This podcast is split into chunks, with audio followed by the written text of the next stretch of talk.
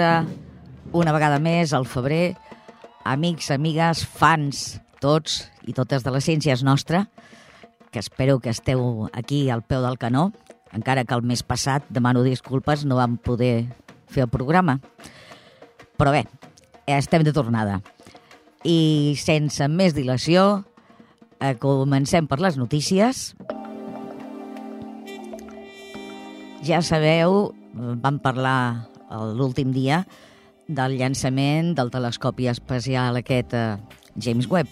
Doncs bé, eh, probablement ja heu llegit, però per si us ha passat per alt. Ja ha arribat al lloc on s'ha de, de col·locar.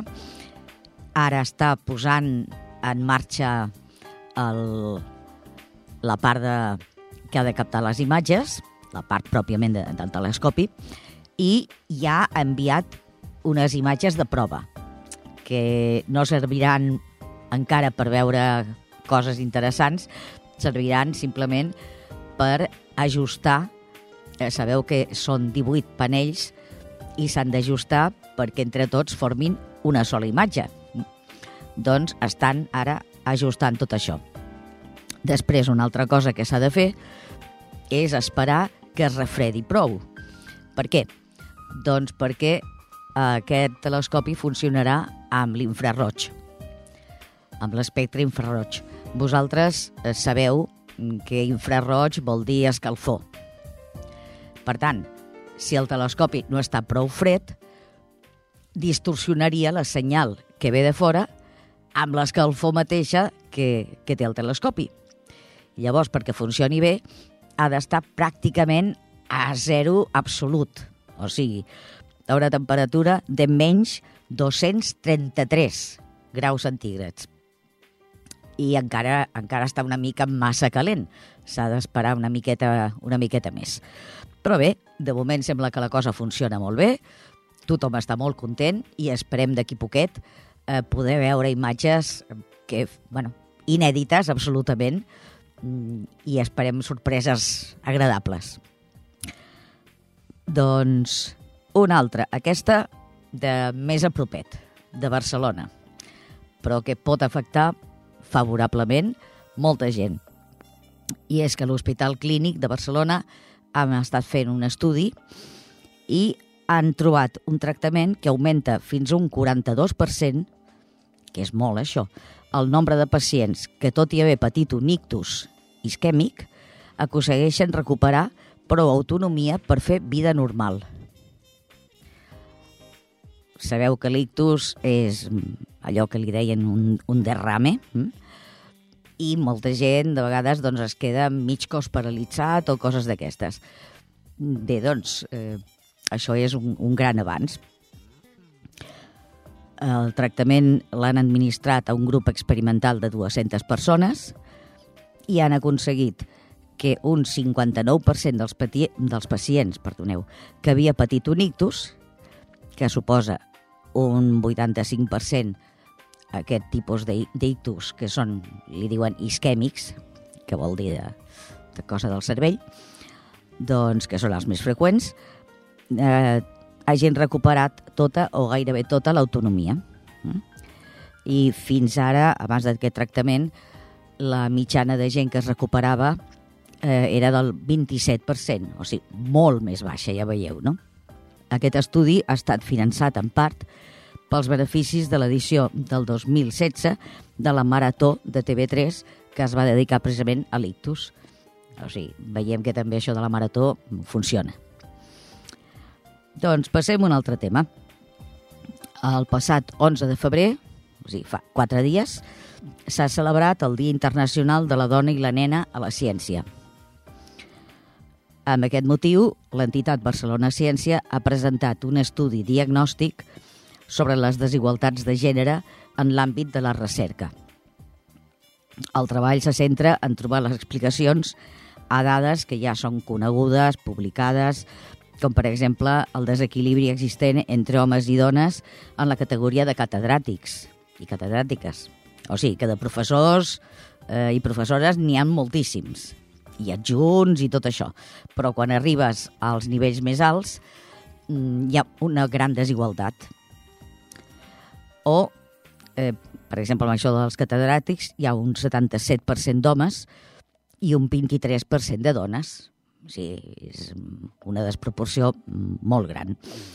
O també l'existència de disciplines científiques amb una masculinització extrema.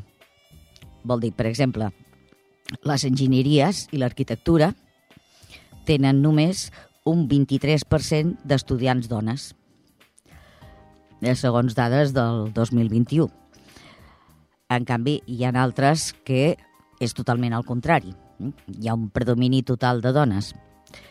I bé, entre les conclusions d'aquest estudi destaca, per exemple, com a inconvenient o com a entrebanc, la incidència de la maternitat eh, per tal de tenir una carrera ininterrompuda a temps complet hm, d'una investigadora.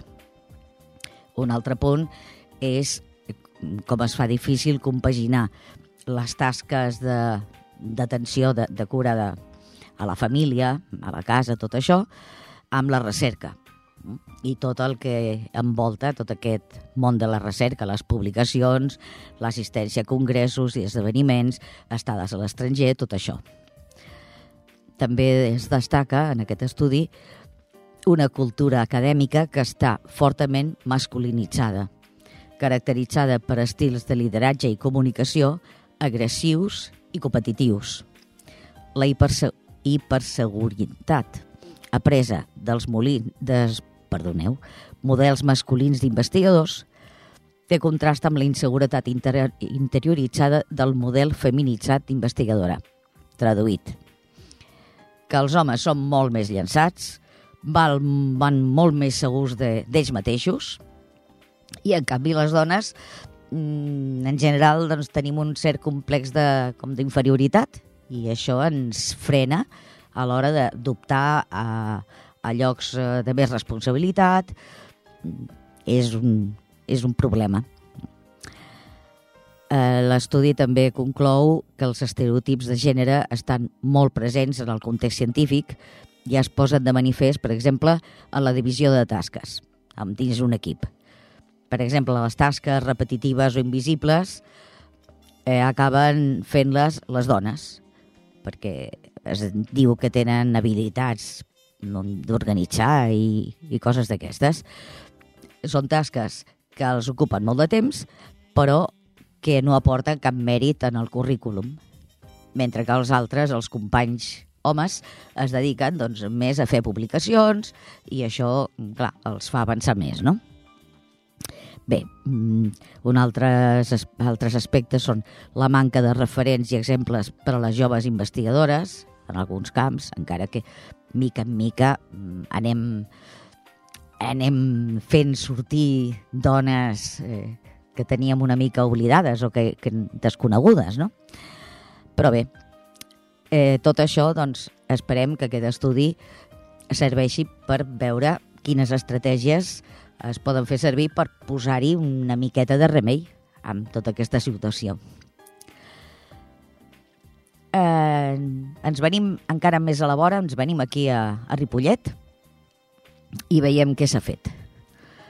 Doncs fa uns dies eh, s'ha celebrat l'entrega de premis de la novena edició del concurs de fotografia científico-matemàtica organitzat per l'estudi eh, per, perdoneu, avui estic fatal, per l'Institut d'Ensenyament Secundari Palau Ausit. Aquest concurs té l'objectiu de descobrir els aspectes matemàtics, científics i tecnològics del nostre entorn, la seva presència en la nostra vida quotidiana, desenvolupar la creativitat artística i utilitzar els mitjans tecnològics. Xapó. Va, tot això ens ho explica el professor del Palau Ausit, en Carles Call. Bon dia, Carles. Hola, bon dia resulta que jo no ho sabia. Heu fet un concurs, eh, la no sé quantes edicions, moltes ja, no?, de fotografia científica. Sí, de fet, aquest concurs ja fa forces anys que el Departament de Ciències s'havia començat a fer per tal que els alumnes, doncs mira, d'una forma així més lúdica, doncs es fixessin en diferents aspectes científics de, del nostre entorn i de forma així sistemàtica, ja més regulat amb unes bases, amb premis ben estructurat, doncs anem ara per la novena convocatòria. I aquest concurs està obert a diferents àmbits, tot relacionat amb l'institut. Hi han quatre categories, els alumnes de primer, segon curs d'ESO, tercer, quart d'ESO, els alumnes de batxillerat i cicles formatius, altres persones que no són els alumnes, professors, eh, famílies dels alumnes, personal del centre de serveis i administració, i tenim aquestes quatre categories.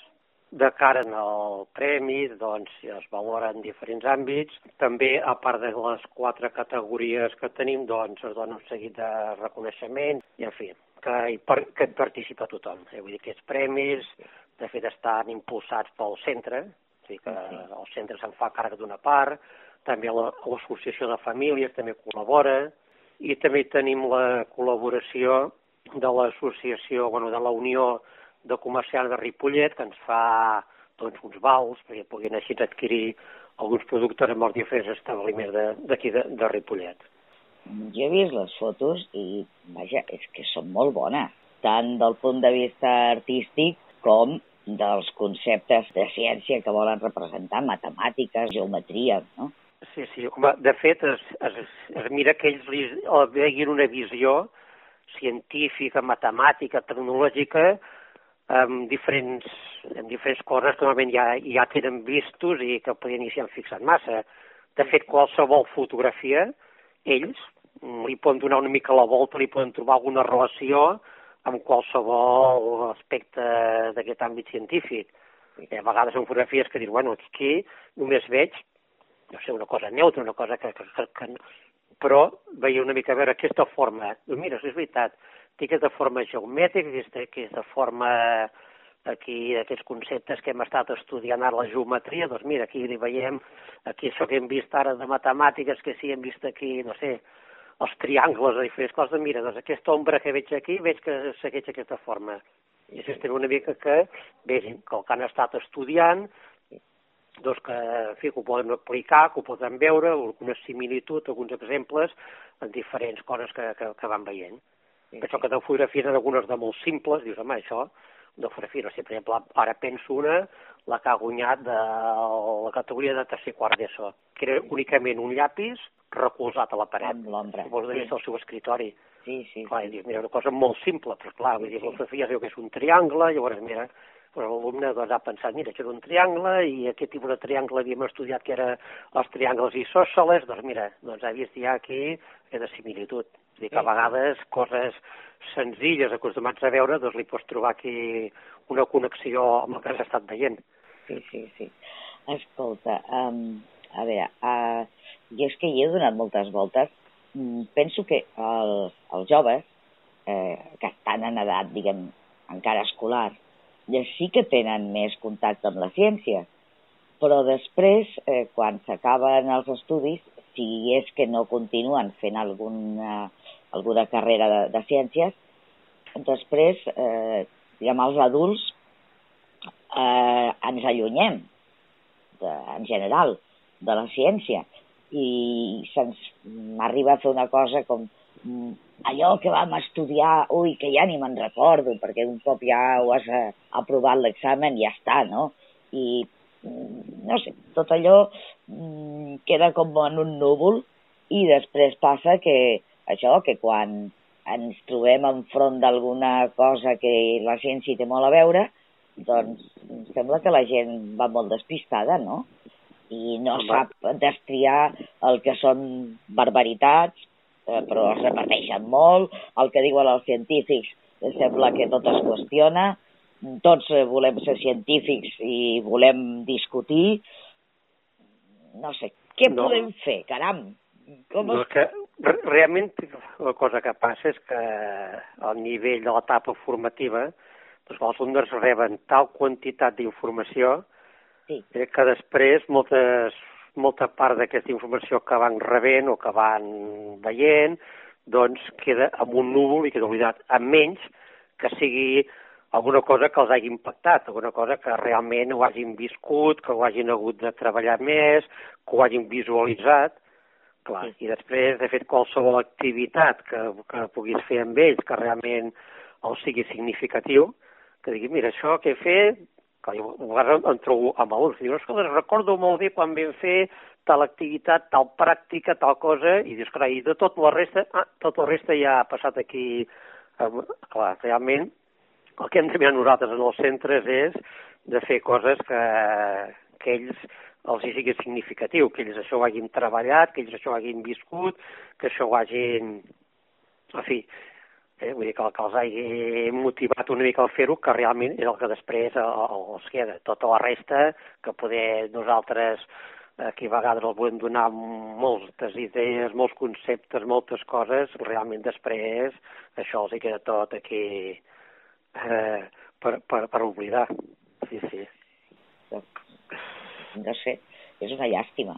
Eh, per exemple, eh, les famílies de, dels alumnes, que ja són gent adulta, i, i posen interès en tots aquests temes de, de ciència? Eh, o és una cosa només del, dels fills?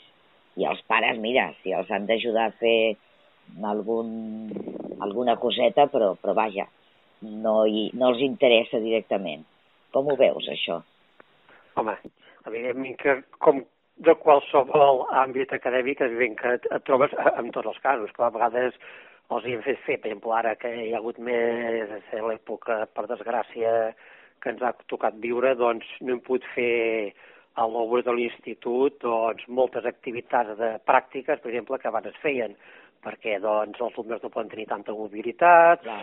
no podem compartir tant material com abans, i, per exemple, s'ha fet que moltes vegades se'ls ha donat doncs, un seguit d'informació, de, de, de processos, perquè ells a casa ho hagin hagut de fer, eh, pràctiques sí. domèstiques, pràctiques a vegades sí. de coses de, de materials de cuina, d'obrar alguna sí. cosa. Sí, sí. I llavors, llavors aquí veus, aquí veus perfectament doncs, la implicació de les famílies, que veus que hi ha alumnes que sí que t'han fet aquí doncs, aquella experiència, perquè encara s'han preocupat que, que tingués aquell material, que eh, disposés de tot, Vull dir que, clar, segur que hi ha moltes famílies de que s'impliquen molt i que recolzen molts alumnes i que, i que estan motivats doncs, per tot l'aspecte científic que puguin anar descobrint, que puguin anar observant, que puguin anar experimentant. Però, clar, com suposo en qualsevol altre àmbit, doncs, evidentment que hi ha varietat com en qualsevol, sí, en qualsevol matèria, sí, sí. Mira, eh, avui, avui comento, vull dir, aprofito per comentar, que a la web de l'Institut, sí. doncs tota la informació del concurs de fotografia, totes les fotografies guanyadores de totes les categories, vull dir que estan tot, tot penjat, vull dir que si algú té, diu, a veure, qui, quin tipus de fotografia han sortit, ja dic, eh, a la web de l'Institut, eh, doncs. Institut Palau Usit, doncs ja, ja posa el concurs de fotografia amb la fotografia i el títol, perquè és clar, perquè és, és interessant a vegades veure el títol que han clar, posat, clar, quina relació realment li han volgut donar amb aquella clar. fotografia. Recordem poder... l'adreça la, web de l'institut, eh, els sí. que esteu escoltant, preneu paper i llapis, eh, com és l'adreça? Sí, sí, és Institut Palau Ausit, eh? tal com és .com, vull dir, únicament al Google Institut Palau Ausit ja surt el web de l'institut, i allà ja, ja institutpalagausit.com Exacte. Perfecte. I ja, ja dic que ja, ja tindran, sí, ja dic, a, a tall de, de curiositat. Eh? Per dir, mira, a veure, a veure, els alumnes, a veure quina imaginació, ja dic que a vegades algunes són fotografies ben simples, en canvi altres no, altres diuen, home, aquesta fotografia ja no seria capaç de fer-la, potser, o fotografies que la gent a vegades ha aprofitat viatges que ha anat, algun aquari, algun edifici de formes geomètriques que ha vist, o bé per la muntanya, aquestes coses, etc. Dir que aquí hi ha, no, vull dir que hi ha molta diversitat. Doncs, escolta, no ens entretinguem més perquè em sembla que tu ara ja d'aquí poquet tens classe. Moltíssimes gràcies per haver-nos-ho explicat, perquè com jo segur que molta gent d'aquí de Ripollet no coneixia aquest concurs, potser fins i tot alguns que els encanta la fotografia eh, no ho coneixien i així doncs tenen l'oportunitat i vaja, doncs eh, a veure si cadascun dels del nostre àmbit podem fer eh, que la ciència sigui més nostra de tothom i això repercuteixi també a la manera d'interpretar les notícies, de, de tenir uns criteris Bueno, moltíssimes gràcies, Carles. Molt bé, doncs. I no, gràcies, sempre gràcies, que vulguis, eh, ja saps on en tens. A reveure.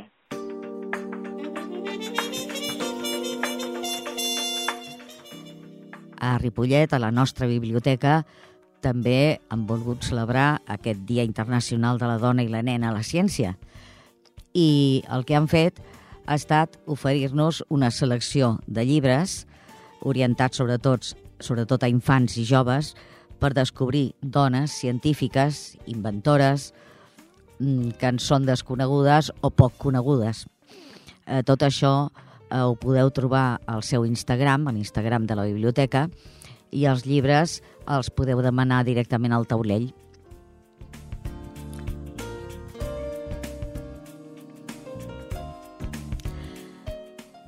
Bé, de vegades ens pensem que per fer ciència cal un laboratori i tot un munt d'equip i tot això. Doncs ara escoltarem un exemple de ciència ciutadana com la Montse Sallent i la seva família, que són de Ripollet, han fet un curs, diríem, de formació accelerada en biologia animal per salvar uns ous d'ànec. Hola, bona nit. Bona nit. Bona nit. pues mira, ens presento, soc Montse Sallent i les meves filles, Maria i Txell, venim a parlar una mica de quina ha sigut la nostra experiència de com vam tirar endavant el, uns ous d'ànec i com hem arribat a tenir ara Ohana aquí entre nosaltres, com un membre més de la família des de fa pues, 8 mesos. 8 mesos i 4 dies. Ja té 8 mesos, o sigui, ja és una negueta adulta ja. Sí, sí, sí. Sí, sí de fet era... Ah, 5 dies. I està, està canviant les plomes i està deixant la casa plena de plomes. Tot s'ha de dir. doncs, com va ser que vau, que vau trobar? A veure, expliquem-me una mica la història.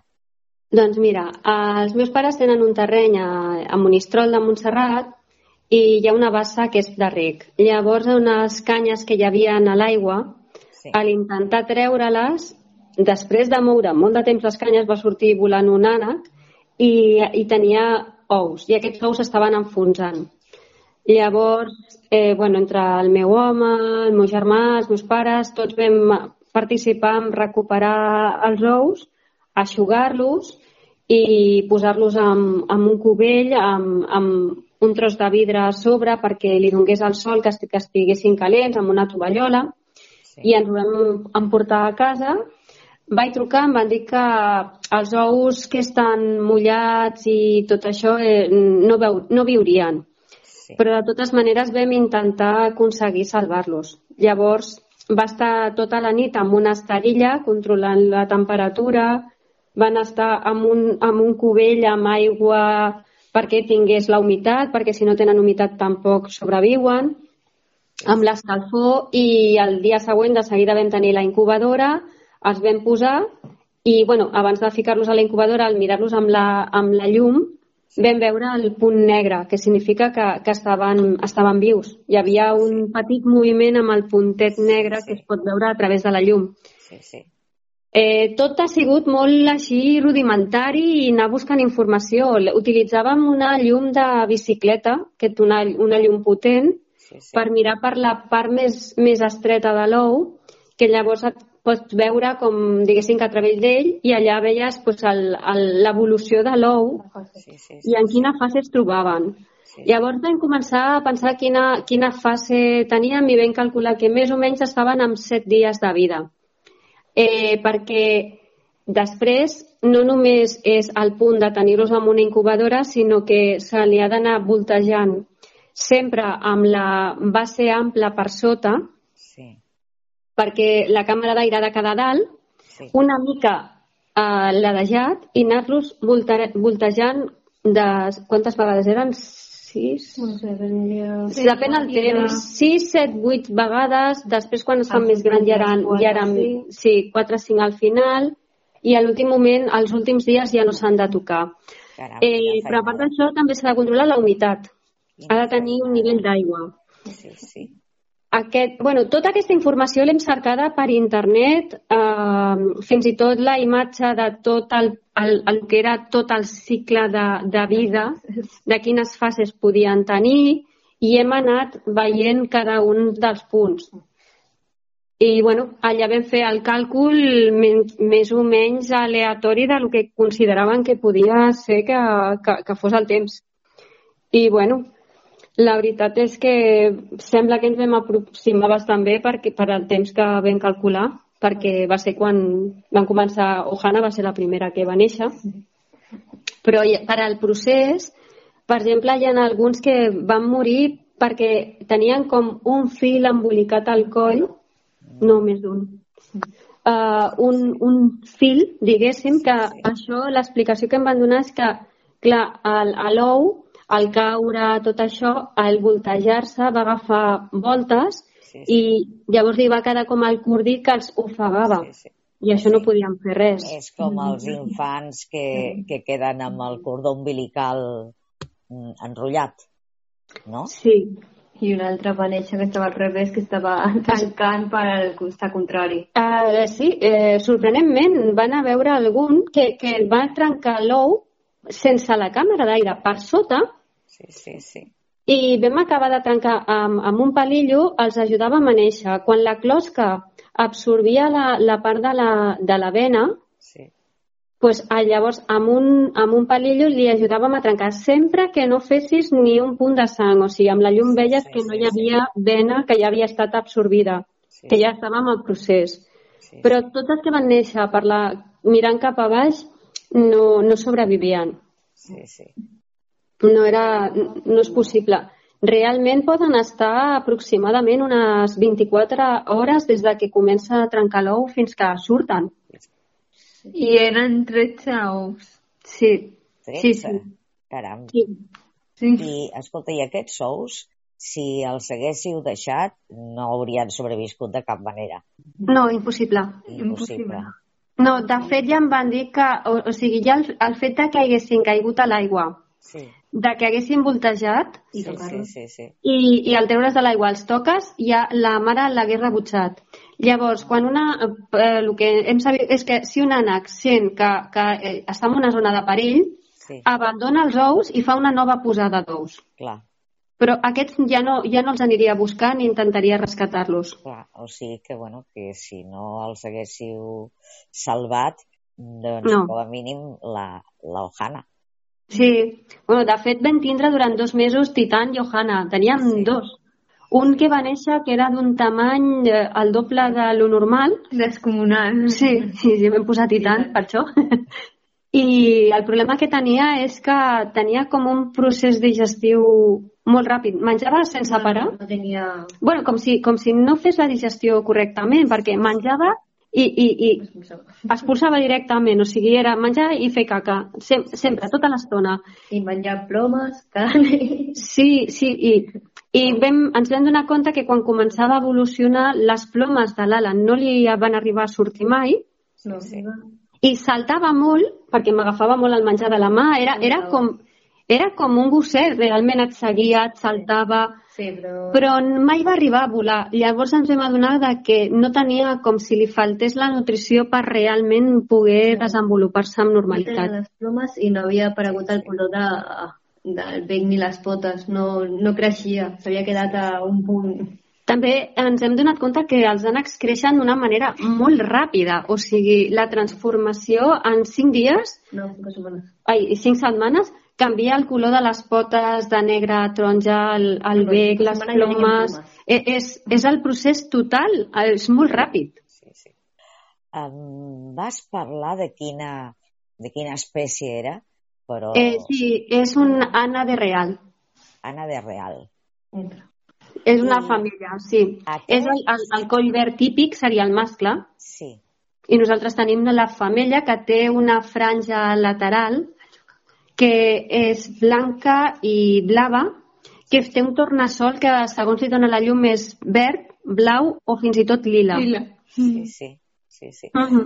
Escolta, i aquests, eh, diguem, a la vida salvatge, eh, quin, què fan normalment?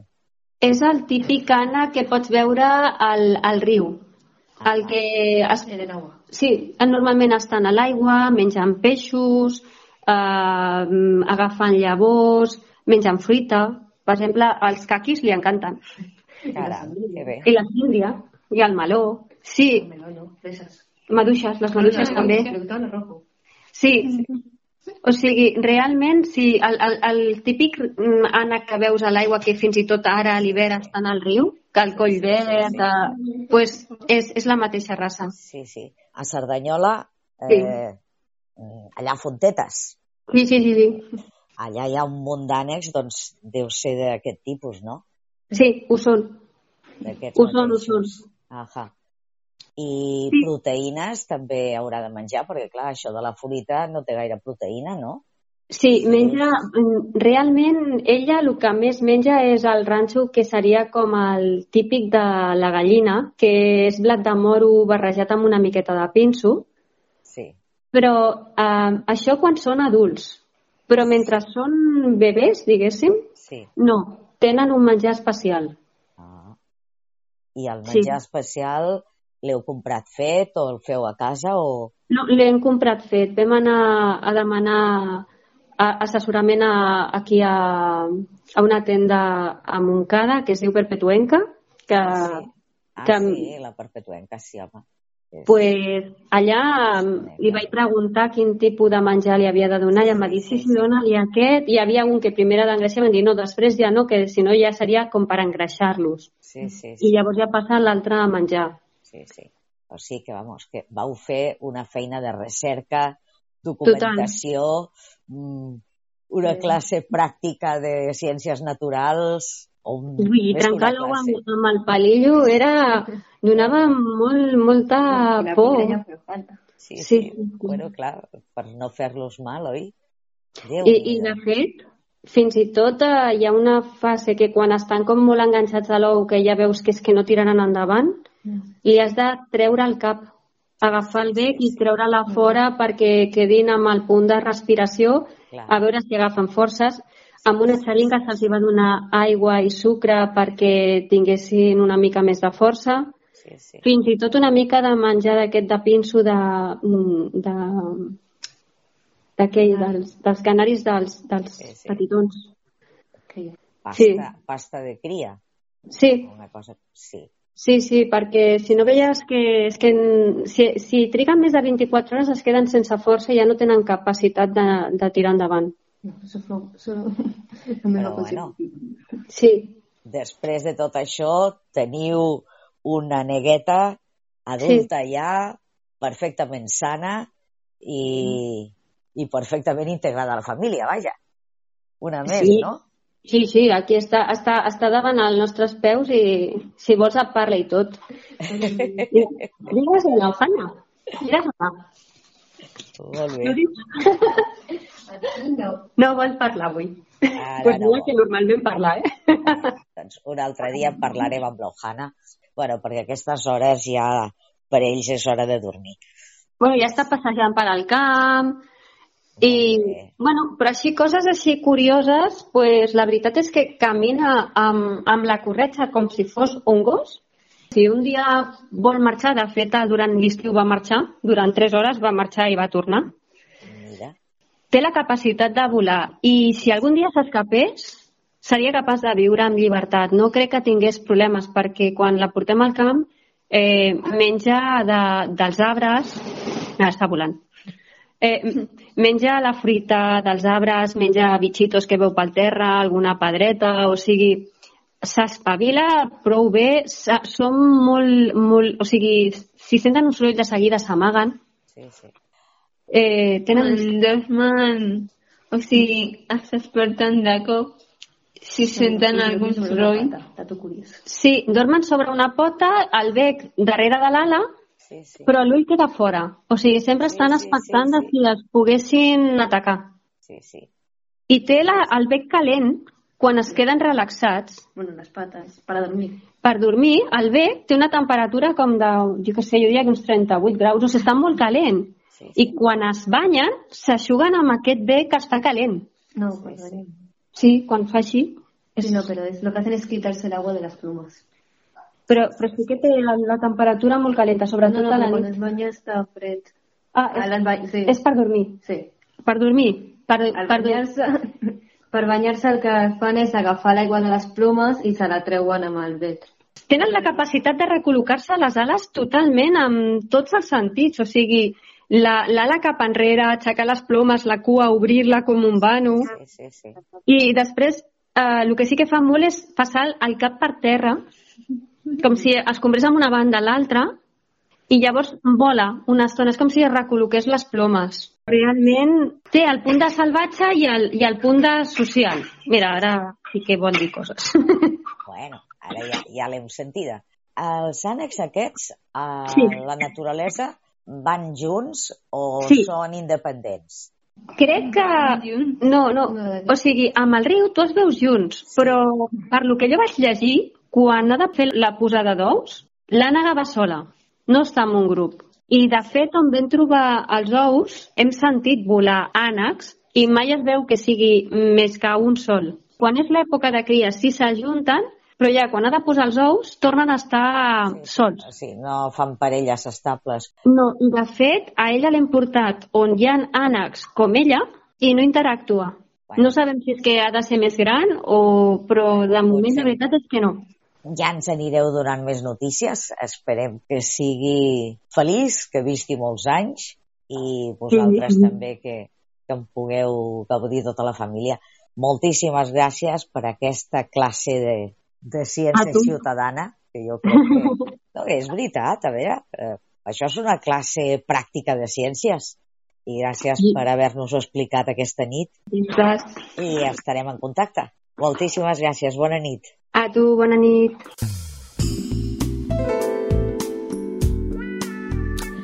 La ciència és un tema que també és força present a les cançons infantils, juvenils. Uh, un exemple és el grup Macedònia, que ens canta la seva cançó Mare Nostrum. Uh, aquest nom uh, és el, el nom amb què es coneix el superordinador del Barcelona Supercomputing Center. Aquest ordinador es va posar en marxa el 12 d'abril de 2005 i des de llavors s'utilitza en la recerca del genoma humà, el canvi climàtic, l'estudi de les zones gravitacionals, disseny de nous fàrmacs, simulacions sobre producció d'energia de fusió, entre altres moltíssimes coses. Veieu que serveix per un ventall de coses enorme. Està disponible eh, tant per eh, es- investigadors eh, espanyols com estrangers. Doncs sentim com ens ho canta en Madònia.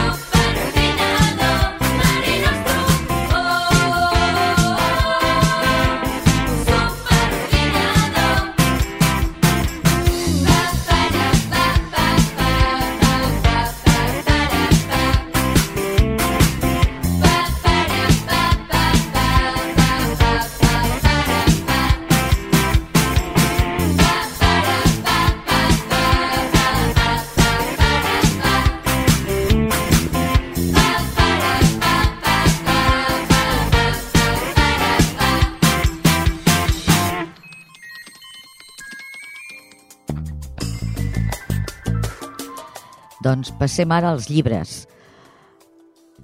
Uh, pels adults.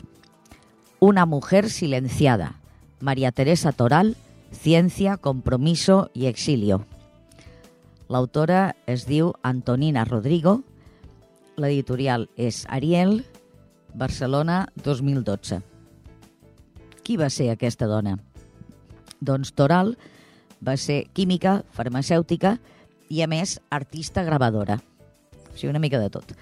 Va néixer a Madrid, amb una família benestant, eh, va començar estudis de música i art per tradició familiar, però, mm, per sorpresa de tothom, es va interessar per la ciència i volia fer química perquè mm, tenia molta... Eh, li agradava molt eh, la Marie Curie. Penseu que estem parlant de començament de segle, de segle XX. Eh, la dona va anar a estudiar eh, Ciències Químiques i Farmàcia a la Universitat Central de Madrid i es va llicenciar a 1933 amb Premi Extraordinari. Va ser ajudant de classes amb l'Enric Moles i Ormella, van fer una secció de Química Física a l'Institut Nacional de Física i Química i eh, plegats van realitzar una intensa labor de recerca sobre la determinació dels pesos atòmics dels elements químics. Penseu que era un tema que llavors estava s'estava treballant eh, en aquella època i l'equip aquest de, de Moles era considerat internacionalment com el millor laboratori per a la determinació fisicoquímica de pesos moleculars i atòmics. Poca broma. Bé, aquests treballs i aquesta fama li van permetre rebre una pensió de la Junta d'Ampliació d'Estudis per estudiar al Regne Unit. Però no va poder-hi anar perquè va esclatar la Guerra Civil Espanyola i li va aixafar tots els plans, clar. Eh, a més, resulta que es va posicionar, eh, com altres investigadors de, del mateix institut, a favor del govern republicà. I, clar, doncs, quan va acabar la guerra, va ser condemnada a 12 anys de presó per la dictadura franquista, acusada de participar en la fabricació d'armament per a l'exèrcit republicà encara que no va arribar a complir la pena íntegrament. Sí que va estar a la presó, força anys, però eh, no s'hi va passar tots 12. Bé, un cop alliberada, es va moure en cercles antifranquistes i, tornem-hi, nova condemna al 1945. Aquest segon procés li demanaven pena de mort. Eh, va tenir una gran, un gran ressò internacional i, per exemple, a la vista oral va assistir Irene Joliot-Curie, la filla de Madame Curie, Premi Nobel de Química també, la filla. Això demostra el nivell i el prestigi internacional que havia assolit en Maria Teresa Toral. Bé, al final, mm, doncs, eh, no, no la van executar, però ella es va exiliar se'n va anar a Mèxic a 1956 i allà a Mèxic, a més de ser professora de Química i Bioquímica a la Universitat Nacional Autònoma i a l'Institut Politècnic Nacional, també va treballar com a traductora de textos científics i va desenvolupar la faceta artística i es va convertir en una de les gravadores més grans del seu temps. O sigui que ja veieu que és una dona polifacètica. Bé, eh, va retornar a Espanya en 1994, poc temps abans de morir. Ja veieu que és una vida interessantíssima, aquí tenim de tot, ciència política, mm, bueno, eh, o sigui que és un llibre molt recomanable. El podeu trobar eh, no pas a la biblioteca de Ripollet, però sí amb altres biblioteques eh, públiques de Barcelona i eh, em sembla que també us el poden fer arribar d'una biblioteca a l'altra, el que haureu d'esperar uns dies, però es pot demanar a la biblioteca de Ripollet que us el portin. O sigui que, si no el voleu comprar, que també seria una cosa bona. Bé, aquest és per adults i el següent és per infants, per nens petitons. Es diu Això és ciència, traduït d'un text francès. El text és de Cécile Juglar i Jacques Guichard. Està publicat per l'editorial Joventut, Barcelona 2020. És la ciència a l'abast dels més menuts. Eh, són 50 experiments senzills per comprendre el món que ens envolta. Per exemple, l'aire pesa, perquè existeixen el dia i la nit, per què s'encén la bombeta, eh, preguntes d'aquestes que fan els nens. Per això, aquest llibre té 38 preguntes ordenades en sis grans apartats, l'aire, l'aigua, la terra, el cel, construir l'electricitat, la força dels imants, els sons, les imatges. I, bueno, doncs, eh, us pot ajudar molt als pares. Eh, és molt senzillet d'entendre, cada pregunta es respon en una doble pàgina, amb un text molt, molt clar pels nens i amb il·lustracions, que també són molt reixides. I aquest llibre eh, sí que el podeu trobar a la Biblioteca de Ripollet. I passem ja, per últim, que ja estem en els últims minutets, al capítol, ja que estem parlant d'infants, d'experiments.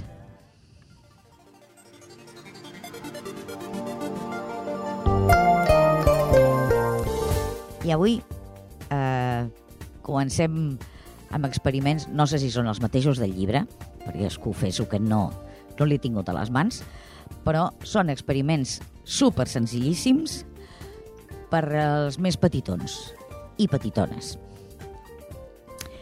Eh, la cosa va d'experiments amb sòlids, líquids i gasos, per entendre què és cada cosa. Mm? Llavors, eh, podeu començar els pares, o les mares, o els avis, eh, explicant que la major part de les coses que ens envolten són sòlides. Per exemple, el llapis, el got, la cullera, doncs tot de coses que tenim, que tenim al voltant. Els sòlids tenen una forma definida. Una ampolla doncs, té una forma d'ampolla, un llapis és allargat, eh?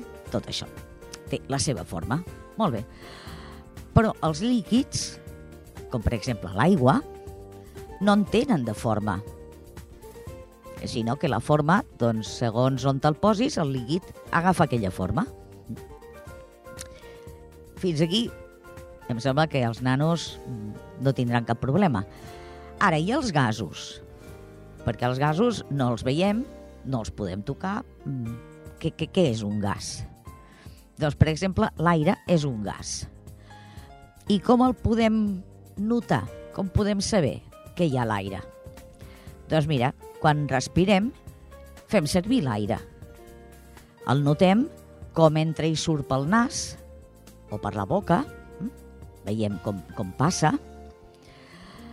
Eh, notem com se'ns inflen els pulmons i es desinflen.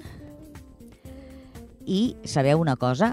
On no hi ha aire, no es pot respirar. Per exemple, a la Lluna no es pot respirar. A més, una altra cosa de l'aire. L'aire pot fer moure coses. Per exemple, agafeu un molinet de vent o agafeu un full de paper, bufeu i oi que es belluga? Doncs això que bufem és aire, que és un gas. Eh, en general els gasos doncs, eh, no tenen color. Hi ha alguns que sí, però en general doncs, no els veiem directament, però veiem els efectes. Bé, uh, un petit experiment. Agafeu una jeringa, però sense agulla, hm? l'omplim d'aigua i tapem el forat, el foradet de la punta, ben fort, ben fort, perquè no es pugui escapar res. Ara provem d'apretar amb l'èmbol i veureu que si teniu el foradet tapat, per més que apreteu, no, no podreu, allò no es belluga. És que els líquids, com l'aigua, no es poden comprimir, que vol dir apretar. Doncs no es pot. En canvi, fem el mateix, però en comptes de amb aire, ai, amb aigua, ara amb aire. Què vol dir? Buidem la jeringa i ara la tindrem plena d'aire, perquè l'aire el tenim tot al voltant. Feu el mateix, tapeu el forat, apreteu amb l'èmbol i ara sí, ara que sí que es pot apretar. I és que els gasos es poden comprimir, mentre que els líquids no. Ara anem a veure, per exemple, amb la mateixa jeringa i un full de paper, podeu, podeu eh, mirar què té més força per fer moure, per exemple, un, fi, un, un full o una piloteta. Doncs proveu d'apretar amb l'èmbol, amb la jeringa plena d'aire i amb la jeringa plena d'aigua. I a veure eh, què té més força per moure aquest full de paper o una piloteta o el que tingueu a mà. I ho comenteu amb els pares. Amics, amigues, eh, se'ns ha acabat el temps. Gràcies al tècnic de so, el Jordi Puy, que està aquí al nostre servei i sense el qual no podríem fer res. I a reveure. Eh, prometo que el mes de març no us fallaré. No em falleu vosaltres tampoc, que estic aquí que hem de fer moltes coses. A reveure.